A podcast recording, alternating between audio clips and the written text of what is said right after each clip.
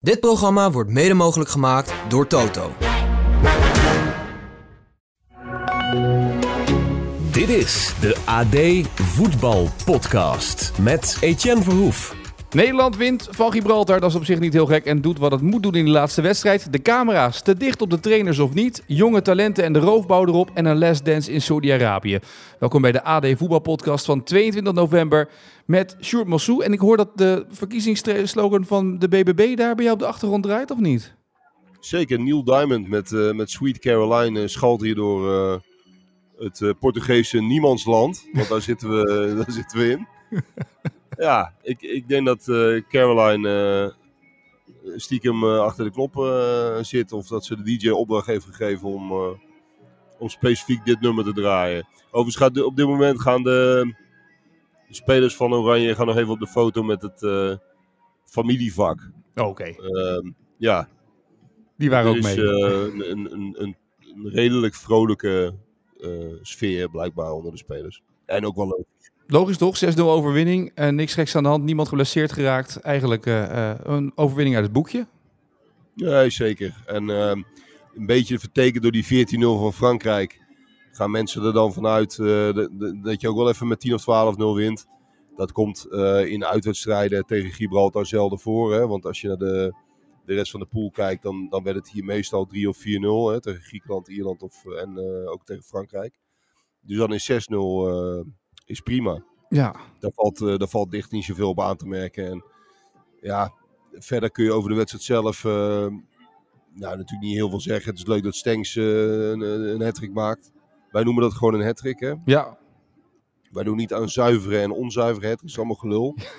Engelsen noemen een hattrick gewoon een hattrick als je drie keer scoort. Of het nou voor rust, na rust is, of er nog spelers tussen zitten, dat maakt allemaal niks uit. Nee, dus ik, heb was wel, een hattrick. ik heb daar wel eens discussies over gehad op redacties dat mensen zeiden dat het een, een zuivere hattrick is dan als je drie doelpunten in ene helft achter elkaar maakt. Maar je maakt er toch gewoon drie, je mag die bal toch houden, hou op. Dat is, dat is een heel gek Nederlands verzinsel. Uh, in Engeland kennen ze dat helemaal niet. En, en daar komt het woord hattrick tenslotte vandaan, dus daar moeten we die moeten we serieus nemen in dat opzicht. Ja, precies. Maar Stenks was uh, inderdaad, uh, nou ja, de, een, een, die, die liet zich zien in deze wedstrijd. Uh, want ja, de vraag is ook een beetje welke waarde moet je nu hechten aan de jongens die nu voor het eerst gespeeld hebben of die deze minuten mochten maken? Nee, dat is moeilijk te zeggen. Daar is die wedstrijd niet serieus genoeg voor. Tegelijkertijd, ja, Koeman wil ze niet voor niks zien. En dan helpt het natuurlijk wel mee als je, als je gewoon goed speelt. En dat heeft Stenks in elk geval gedaan op een positie die, die toch wel een beetje geldt als de probleem, probleempositie uh, bij Oranje al heel lang. Ja. Een, een echte rechtsbuiten hebben wij nooit, uh, nooit gehad de laatste jaren. Dat is ook een van de redenen, zijn er meer, dat er uh, werd steeds weer teruggeschakeld op dat, op dat 3-5-2 of 3-4-3, hoe, je, hoe je het noemen wil. Um, en dat deed Stenks nu, nu prima. Maar, voor wat het waard is, nogmaals, het biedt opties denk ik om af en toe te variëren. En dat zal Nederland echt nog wel doen onder Koeman. Um, dat je twee systemen kunt spelen. Tegen dit soort landen is het natuurlijk sowieso logisch om dat uh, met, met buitenspelers te doen.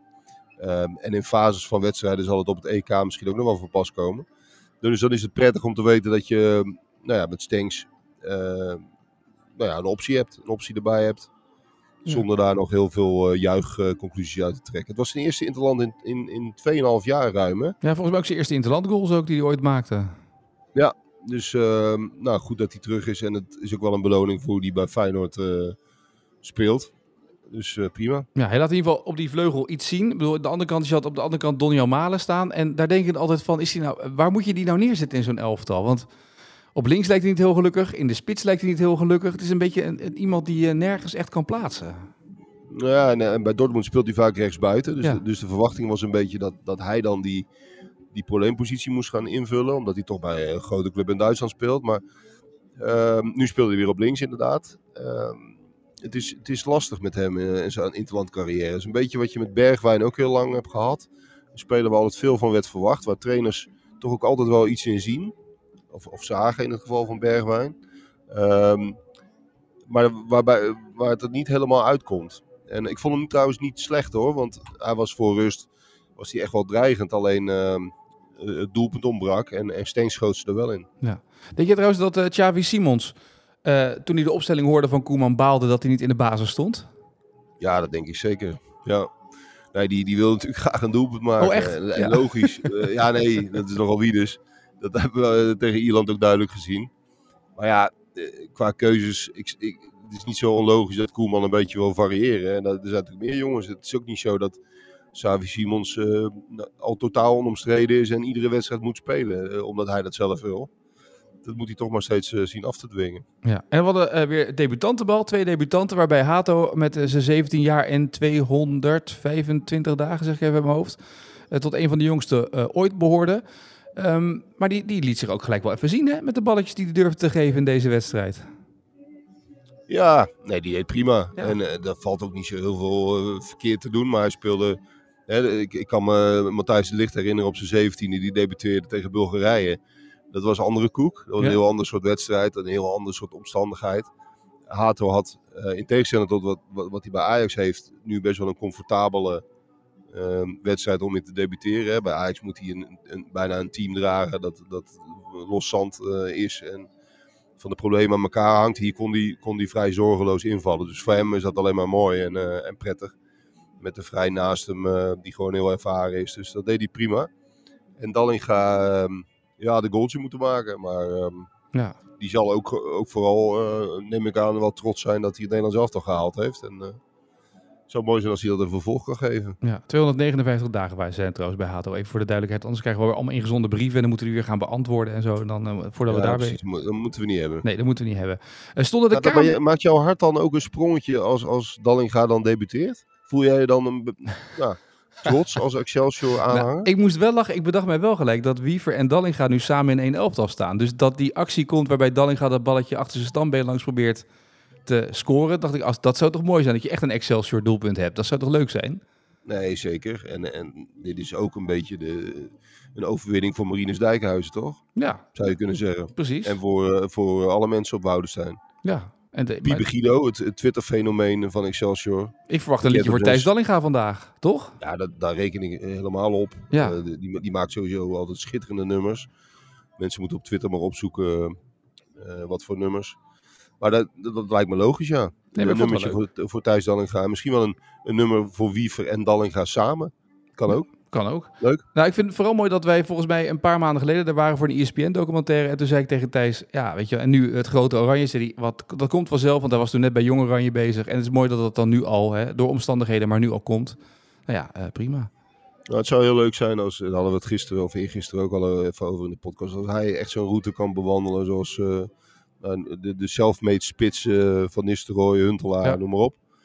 Dat zou er, erg leuk zijn, maar dat, zover is het ook weer, ook weer niet. Uh, dat daarvoor moet hij eerst nog een stap maken, denk ik, vanaf Toulouse naar een, uh, naar een ploeg die Champions League speelt en Ja. vervolgens uh, steeds meer in het land spelen. Ja, precies. Stonden de camera's ver genoeg weg van Ronald Koeman vandaag? Ja, volgens mij wel, maar het geluid was nog steeds uitstekend te horen, want het was natuurlijk zo ontzettend leeg. Ja.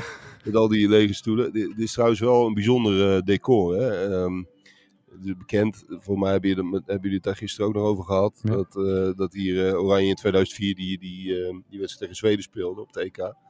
Maar het is, een, het is een heel desolaat gedoe hier. Want het is een betrekkelijk nieuw stadion. 20 jaar oud, dus is relatief nieuw. Het is best modern. Er is verder ook niet zoveel op aan te merken qua infrastructuur en, en, en, en architectuur. Maar het is, het is in 20 jaar is er niks aan gedaan. Dus die stoeltjes zijn helemaal verbleekt. Uh, er wordt hier zelden gevoetbald. Ja. Uh, het ligt ook ja, echt, echt in niemands land. Uh, het slaat nergens op dat hier een stadion staat. Uh, want er is ook helemaal geen, geen club die hier eventueel in kan spelen in de buurt. En, en dat, dat voel je aan, aan alles. Dus ze hebben een paar vrijwilligers opgetrommeld om de, om de poorten van het stadion even open te maken. Het schijnt bakken met geld te kosten.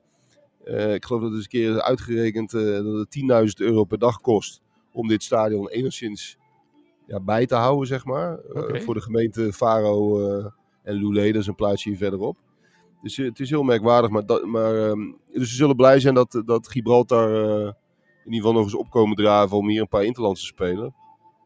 Maar het is een, het is een gek, uh, gek decor. Nou ja, voor de stadionswaffelaars, je kan, als je naar Faro vliegt, dan rij je ongeveer, als je de Algarve inrijdt, rij je langs het stadion. Dus dan kan je even langs om te kijken hoe dit stadion erbij ligt. En ik weet ook inderdaad, toen wij die wedstrijd tegen Schotland daar hadden, dat ook ja. inderdaad, er waren drie vrijwilligers opgetrommeld om wat dingen te doen. Een kleine perszaal en voor de rest was er helemaal niemand in, die sta in het stadion doen. Nee, nu waren er iets meer de ja. oranje fans natuurlijk. Ja. Uh, ik heb geen Gibraltarese uh, supporters gezien. Eerlijk gezegd. Er zaten een paar verslaggevers, maar volgens mij was alles eh, Nederlands georiënteerd. Ja. Met, met eh, ehm, oud eh, Volkskrant en NRC-collega Robert Michet als, support, als eenzame supporter. Die was hier in de buurt op vakantie op de tribune. Maar verder was het, was het een soort oefenwedstrijd. En, ehm, de, de- ik moet zeggen dat het Oranje publiek vermaakte zich wel. Die, die maakte er een soort scheidlolligheid van. toen die keeper iedere keer op de grond ging liggen bij iedere vangbal. weet je wel. Precies, ja. Dat was wel geinig. Maar verder was het vooral eh, jolig en heel vrijblijvend. En eh, nou ja, prima. Maar terug naar die vraag van Koeman, hè? Eh, die camera's, staan die nou te dicht Oh ja. op de trainers of niet met het geluid? Want Koeman begon daarover en, en de NOS heeft excuses gemaakt en gezegd dat dat tegen de afspraken van de KNVB is. Maar als ik naar andere sporten kijk, hoor ik overal eh, zie ik microfoons eromheen hangen. Waarom zou dat niet doen? Ja, vanuit mediaperspectief, wij zijn, wij zijn van de media. Dus dan is het heel erg raar om te gaan zeggen dat dat niet zou mogen. Ehm, alleen, ik, ik begrijp het perspectief van een, van een coach ook wel. Als je, eh, je wil wel enige vrijheid hebben om gewoon te kunnen zeggen wat je, wat je wil. Zonder dat daar meteen een, een, een camera bovenop staat. Er is een geweldige documentaire gemaakt. eh, volgens mij hier was eerder benoemd over Graham Taylor als bondscoach van Engeland. Staat ook op YouTube. eh, met onder andere die beroemde kwalificatiewedstrijd tegen Nederland. Waarin Koeman rood had kunnen krijgen. Ehm, en toen was eh, Graham Taylor coach met een, eh, met een eh, zender. Met een microfoontje. Dus kon je echt letterlijk alles horen. Dat is hem jaren en jaren nagedragen in Engeland. De, op een gegeven moment raakt hij gefrustreerd op die bank. Want de, kwalificatie staat op de tocht voor, voor Engeland. En dan spreekt hij de legendarische woorden: Do I not like that? Dat een soort grammaticaal kromme zin is, die heel bekend is geworden. Ehm, en altijd in verband wordt gebracht met Taylor, die helaas overleden is. Geweldige manager geweest van Watford trouwens, waar hij heel erg geliefd is, maar als bondscoach niet zo geslaagd. En is hem altijd aan blijven kleven. En, en trainers willen gewoon, ehm, ja, willen gewoon de vrijheid hebben om te, te zeggen wat ze, wat ze willen. Ik kan me daar wel iets bij voorstellen. We, we kunnen alles registreren tijdens wedstrijden.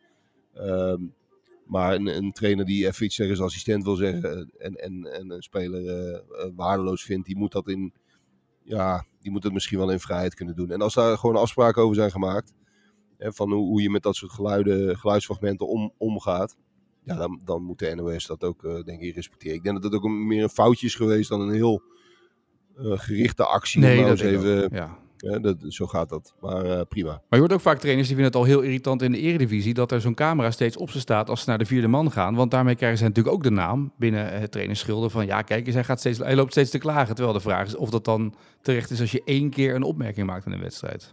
Nee, dat. Soms vertekent het een beetje. Ik, ik, ik snap ook wel dat het echt irritant is als een camera echt op je neus gericht zit. Dat moet je je voorstellen dat, dat dat bij ons iedere keer het geval zou zijn. Daar zou je Nou. ook gek van worden. Zou best goed zijn voor de kijkcijfers. ja.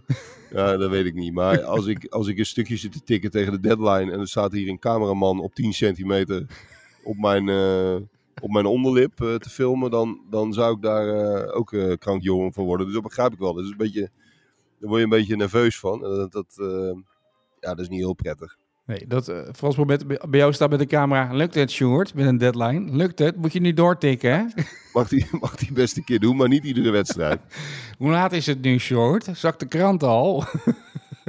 Dat zou lekker zijn. Zou Ja, dat was bij, de- bij deze wedstrijd was dat natuurlijk eh, prima te doen. Want dit, dit was een, een eh, tik technisch voor de mensen dat, eh, die dat ook maar enigszins interesseert. Was dit een vrij makkelijke wedstrijd natuurlijk. Ja. Het is erger als het eh, in, de, in de blessuretijd beslist wordt. En daar was hier geen sprake van. Nee, dat is waar. Nou goed, het, het puntje camera's dan maar eh, even afronden. Even door naar het andere interland voetbal. We doen dat gisteren al even. Eh, bij Spanje zijn ze natuurlijk een beetje in de, in de vlekken geschoten. Vooral Barcelona. Gavi geblesseerd geraakt, een lange tijd eruit. Dan wordt er gelijk, Edwin Winkels had een mooi verhaal over de roofbouw op talenten. Je kan natuurlijk aan de ene kant zeggen, ja, Spanje, belachelijk dat je hem niet rust hebt gegeven. Aan de andere kant, Barcelona heeft de laatste jaren de jonge talenten die ze binnenkregen...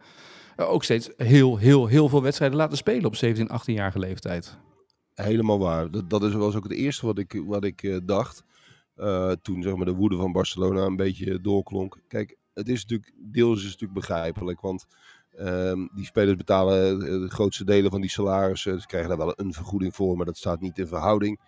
En die, die clubs balen enorm als, als die spelers terugkrijgen die, die, die geblesseerd raken. Dat is natuurlijk bij het Nederlands zelf ook wel eens gebeurd.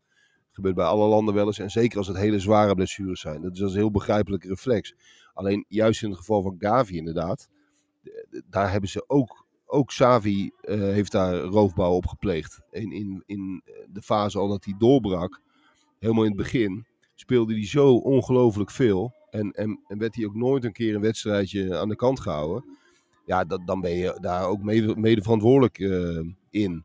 Ook clubs moeten, zeker bij jonge spelers, in de, in de eerste fase van hun carrière, dat is ook vaak, de inspanningsfysioloog is dat ook vaak verteld, hè, dat je daar dat je daar echt voor moet uitkijken. Dat je niet spelers uh, consequent maar laat doorspelen.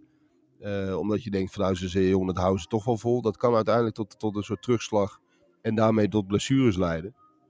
Ja, dus, dus het is in dit geval is het ook een beetje een, een totaalverhaal. En, en valt ook Barcelona zelf daarin niet helemaal vrij te pleiten. Die notabene voor allerlei commerciële trips ook nog eens de hele wereld overvliegen. Nou ja, dat. Om geld te verdienen. Ja. En, dat, en daar ook die spelers allemaal opstellen. Dus, dus um, ja, zowel clubs als bonden zouden daar, en, en, en zeker ook de FIFA, die die hele speelkalender natuurlijk vol plemt, die zouden daar uh, nou eindelijk eens een keer een uh, fatsoenlijke oplossing voor moeten vinden. Maar het, het is een combinatie, er zijn me meerdere schuldigen. Ja. Want trainers hebben ook de neiging om, om, om steeds de, de, de beste spelers op te stellen. Dat lijkt heel logisch. Maar juist bij die internationale grote topclubs hebben ze natuurlijk dusdanig grote selecties. Dat je natuurlijk echt wel de mogelijkheid hebt om te variëren. Die luxe, die, die moet je af en toe dan ook durven nemen als coach. Ja, en als je dat met sommige spelers uh, te weinig doet, dan zitten daar risico's aan vast. Ja, dat voelt ook wel een beetje alsof Barcelona denkt, weet je wat, als we maar heel hard roepen, misschien dat we dan nog een beetje schadeclaim krijgen, dat we nog meer vergoed krijgen van de Spaanse bond, dan hebben we weer wat geld terug, want dat hebben we toch niet nodig, hè, dat geld. Nee, nee precies. Nou, God, dat zal zeker een rol spelen, maar ja, volgens mij is dat allemaal wel gewoon reglementair Ja, vastgelegd. precies, ja. eh, dit soort dingen. Dus, dus ik weet niet of er nou echt veel meer uit te halen valt dan, dan in de afspraken eh, staat. Nee, precies. Goed, in ieder geval, clubs moeten daar zelf misschien ook... Ja, het lastige is ook, wat doe je ermee? Want je zegt ook, ja, een jong talent, die wil je natuurlijk altijd opstellen of als een speler goed is. Ook al hebben ze al die data, maar in hoever ga, hoe ver ga je ermee natuurlijk, hè? In het beschermen van jonge spelers. Nee, mee eens. En, en ook Li- Lincoln eh, Red, Red, Im- Red Imps FC, Mhm.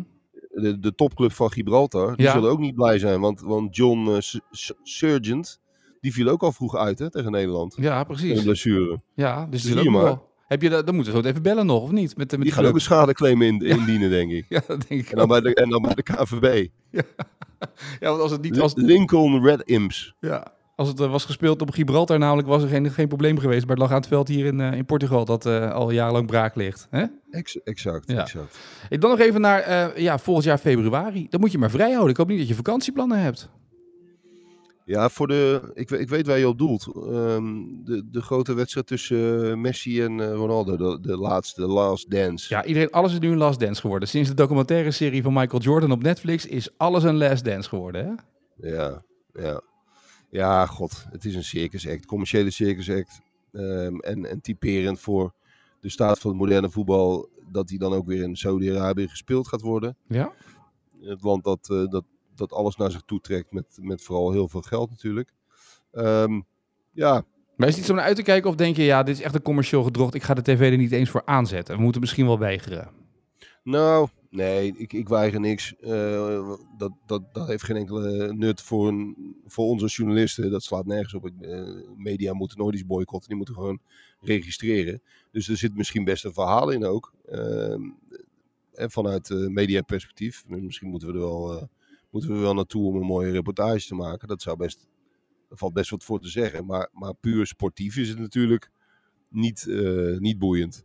Het is gewoon een oefenwedstrijd. En het, het circus eromheen is, is interessant. Ook met het oog op het, op het WK van 2000, eh, wat is het? 34. 34, ja. ja.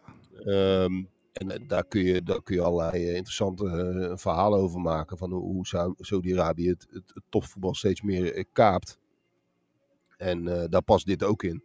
Maar sportief is het natuurlijk een, een niemendalletje. En inderdaad, 90 minuten naar zo'n wedstrijd kijken lijkt me geen enorme aanrader. Maar er zal ongetwijfeld een Netflix-documentaire over gemaakt worden. Of een HBO-documentaire, weet ik veel. En eh, daar zal het allemaal niet aan liggen. Maar ja, verder is het. Is het eh, ja, je zou liever willen dat, dat die, eh, de echte Last Dance. Dat die, dat die nog een keer in Europa gespeeld was tussen. noem maar wat. Barcelona en Manchester United. ja. Dat had ook gekund. Op Champions League niveau, ja. een, ja.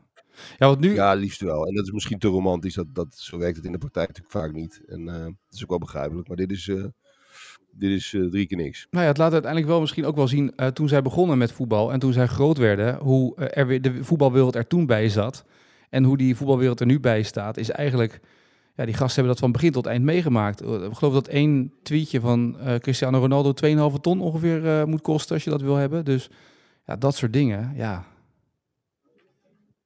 Ja, nee, zeker. En zij zijn natuurlijk ook, eh, kijk, even los van dit, dit wedstrijdje wat ze dan gaan plannen. eh, zij zijn natuurlijk wel twee unieke voetballers. eh, nog steeds. En dat zijn ze geweest voor een hele, hele generatie van voetbalfans. Dus aan die grootsheid eh, moeten we zeker niet, daar moeten we zeker niet badineren dat we doen. Integendeel. Ehm wat die gepresteerd hebben allebei, dat is, dat is echt fenomenaal. En Ja. over zo'n enorm lange periode ook. Hè, want, want de meeste eh, topvoetballers hebben, hebben een veel kortere eh, topprestatiecurve gehad. En zij, eh, nou ja, met alles wat ze gewonnen hebben, dat, dat, dat zegt natuurlijk alles. En ze hebben inderdaad ja, het- het- een gezicht gegeven aan het moderne voetbal. En het ook heel erg zien veranderen in die, wat is het, 20, 25 jaar. Ja, precies. Ja. Ik denk trouwens wel één ding die zeker is dat Cristiano Ronaldo zeker die wedstrijd drie keer wil scoren. Tuurlijk. Ja, Ja. Messi. Ik denk, ook niet dat, ik denk ook niet dat hij het eh, licht gaat opnemen. Die Nee. gaat niet eh, glimlachend het veld op. Die gaat natuurlijk weer met dat, met dat eh, serieuze, strakke hoofd. Gaat hij, natuurlijk weer, gaat hij natuurlijk weer een wedstrijdje van maken. Want Messi heeft hem afgetroefd als het gaat om gouden ballen. Ja, Dat zit hem natuurlijk niet lekker. nee, dat moet even af, rechtgezet worden. af en toe zie je wel eens die doelpunten voorbij komen uit die show, die Pro League, of niet? Uh-huh. ja, Ja. Ja. er gebeuren ook af en toe de gekste dingen daar. Hè? Ja, Met verdedigers die opeens spontaan opval, omvallen. En, eh, overigens is dat in Amerika ook zo. ja. Er wordt, eh, er wordt ruim baan gemaakt voor eh, de grote sterren. eh, heb je soms de indruk. Ja, dat is waar. Voordat we naar de vraag van vandaag gaan. Ik zoek nog wel even van het bericht van Tarek O. Die hebben we pas nog wel eens gehad in de vraag van vandaag. Die gewoon Spanje uit is gezet na seksueel misbruik van zijn dochter. Dat zijn wel Ja, berichten waar je niet over na wil denken. Nee, schokkend. Ja. Ja. Maar, maar hoezo kwam die voorbij in een vraag van vandaag? Nou, we hadden pas hadden we een vraag over een speler van Sevilla, zeg maar. Die, eh, welke Nederlander daar als eerste speelde. Dus eh, toen kwam die nog voorbij daarin. Eh, en, maar toen was dit eigenlijk nog helemaal niet bekend. Dat je ineens denkt, god, dat is ook wel ineens zoveel, zo'n tijd later dan dit verhaal ineens. Nou, ik zou je zeggen, die- die- ik werd gebeld door een Spaanse journalist een paar dagen geleden. Of vorige week, Mhm. twee weken geleden misschien. En die, die vroeg of wij een nummer hadden van, van Oelida. Omdat hij betrokken zou zijn bij duistere zaakjes. Ehm, en hij, hij wist toen zelf ook nog niet precies wat er aan de hand was. Hij wist alleen dat er een, eh, een strafzaak liep. Of een onderzoek liep. En ehm, ehm, ja, dan denk je in eerste instantie aan, aan, eh, aan drugs of zo. Ja, hè. want al die oud-voetballers zitten allemaal in de drugs tegenwoordig de laatste Ja. tijd. Ja. Nee, maar, maar dat, dit is niet iets waar je aan denkt. En Nee. zoiets verschrikkelijks aan incest. Ja, goed, laten we maar niet te veel woorden aan vuil maken, joh. Het is eh treurig genoeg. Ja, 2011 is het eh, inderdaad eh, gebeurd, maar terug zo'n verhaal inderdaad. Nou ja, laten we nu vooral eh, naar eh, de vraag van vandaag gaan. Ja, leuk. De vraag van vandaag. Blijven we nog, wat wil jij? Blijven we nog een beetje bij de, in de interlandsferen? Ja, zeker. Of, Maar je moet eerst even antwoord geven op de vraag van Maarten, hè? Van Oh ja, gisteren. tuurlijk. Ja, ja. ja, Dit is de vraag van Maarten van gisteren. Het Nederlands elftal speelt in stadion in Faro. Dat was ooit ehm, de ja, bekende EK-kwartfinale Nederland-Zweden. Die draaide uit op penalties. En er was in die reeks was er één speler van Nederland. Die trok de aandacht omdat hij ehm, al, al juichend eh, zeg maar, vanuit de middenstip begon te rennen. Omdat hij dacht dat de wedstrijd in de reeks beslist was. Maar dat was niet zo. Wie was die speler? Ja, wie was die speler? Ik zie dit niet helemaal voor me. Ik weet die, die, eh, die, die reeks nog wel redelijk, redelijk goed. Want, want Ibrahimovic miste en, en Mjelberg miste. Die, die Ja. eh, aanvoerder van Aston Villa. En toen was er een Nederlander die ging rennen, die dacht dat we al gewonnen hadden. Ja, ja oké. Nou, dan moet een jonkie zijn geweest dan, Ja, waarschijnlijk. ja. Ik vind het wel iets voor... eh, ik, ik zie het niet meer voor me, moet ik eerlijk zeggen. Maar eh, ik vind het wel iets voor Johnny Heidinga. Erik Braak schrijft mij letterlijk... Het antwoord op de vraag van vandaag is John Heitinga. Ik zat namelijk achter het doel. En ik zie hem nog zo op me afrennen naar die gemiste strafschop van Melberg. Eh, dus Oh, dat ja? liet hij via X weten. Oh, dat is, dat is dus goed. Ja, Ja. Dat, was maar een was maar een gokje. Ik zie de, nee, de beelden heb ik niet op mijn netvlies. Wel van Robben, die, eh, die natuurlijk de winnende maakt. Ja, En die dan zijn shirt uittrekt. Eh, een van de zeldzame penalty-series die we, die Die we ooit wonnen. gewonnen hebben. Dat, Ja. was dat was op deze plek, waar ik nu, het doel waar ik nu op uitkijk. daar scoorde Arjen Robben. Daar staat nu een, eh, een, een eenzame vrijwilliger een, eh, een eh, paar spullen op te ruimen. Ja, het is toch historisch. Ja, nou ja, dat gezegd hebbende. dan door naar de vraag van vandaag voor morgen. Voor Leon ten Voorde morgen in de podcast. Ehm, nou, Leon eh, woont heel dicht bij de Duitse grens. In, in, in, in die regionen zijn ze, zijn ze stapelgek op, op Duitsland. Hè? Mhm. Eh, daar voelen ze een innige connectie mee, heb ik altijd de indruk. Dus dan doen we een vraag over Duitsland. Eh, Het gastland voor, ehm, op het EK van komende zomer. En ik wil van Leon graag horen. En dan uit, zijn, uit zijn hoofd liefst. In welke Duitse stadions werd op het EK 88 allemaal eh, gespeeld? Oh, Ja, maar dan door het, he- hele EK? Of eh, waar speelde Nederland bij Wat- die EK? Wat, nee, nee, nee, nee. Ik wil gewoon alle eh speelstadia, stadions. Mooi. Ehm, en dat zijn er acht. Ja, want we hadden nog niet zo'n groot toernooi natuurlijk. We hadden maar een paar teams die meededen, dat klopt. Zeker, er waren maar acht teams. Ja. En, en, en ook acht speelsteden. En het was allemaal, dat wil ik hem wel meegeven, maar dat weet hij zelf natuurlijk ook. Want de muur was nog niet gevallen. Het was in West-Duitsland. Nou, eh, de acht stadions van het EK voetbal eh, 1988, die willen we graag allemaal weten en het liefst uit het blote hoofd. En kan je dat nu ook uit het blote hoofd doen? Laat het vooral weten via X. En doe dat dan met de hashtag AD Voetbalpodcast. Eh, of laat het mij weten in een berichtje eh, via Instagram. En dan maak je kans op de eervolle vermelding. En wie weet ook een prijs morgen. Overigens, Sjoerd, kreeg ik nog een vraag van Bob van Gerven. eh, via, met de hashtag AD Voetbalpodcast. Zijn er teams die de eerste 13 wedstrijden wonnen en die geen kampioen werden? Zo ja, wie was de laatste? Ik weet het antwoord zelf niet. Ik ben even op zoek gegaan. Weet jij het zo uit het blote hoofd? Nee, nee, Nee? nee. Ik ben niet zo van dit soort feitjes. Nee, ik ook niet, Van maar- st- semi-statistische eh, feitjes ben ik niet zo goed in. Nee, dus ik dacht, ik stuur even een berichtje naar Ripke Bakker, onze collega bij, bij Nu. Die weet dat, dat soort dingen natuurlijk gewoon uit het blote koppie. Eh, en die zei uiteraard, PSV in het seizoen 2018-2019. Ze wonnen de eerste 13 eredivisiewedstrijden onder Mark van Bommel. In december de eerste nederlaag tegen Feyenoord en Ajax werd kampioen. Tja, nou hier heb je hem. Precies. Helemaal Dus- niet zo lang geleden dus. Nee, precies. Dus eh, nou, bij deze, deze servicerubriek ook afgerond. Mooi, op naar een mooie dag, tenminste een stemdag in Nederland. Jij een reisdag naar Nederland, denk ik. Weet je al wat je gaat stemmen? Ja, ik weet al wat ik ga stemmen, ja. Oké. Weet jij het Ik al? ook. Ja, ik weet het ook. Re- Red je het nog? Zijn de, stembureaus er open als jij terug bent? Ehm, als het goed is, red ik het. Want ik moet ook nog naar ESPN s'avonds. En pas daarna eh, wil ik mijn stem uitbrengen. Tot, hoe laat zijn ze precies open? Ja, tot acht uur of zo, negen uur? Oh, dan wordt het nog krap. Ik dacht dat ze wel tot, tot later open waren. Nee, want die stemmen Ik moeten geteld best worden. Nou, eh, dat in ieder geval eh, een verkiezingsdag. Morgen een nieuwe AD voetbalpodcast. Kijken hoe het land er dan bij staat. Sjoerd, dank voor nu. Goede terugreis en tot de volgende. Yes. Dit programma werd mede mogelijk gemaakt door Toto.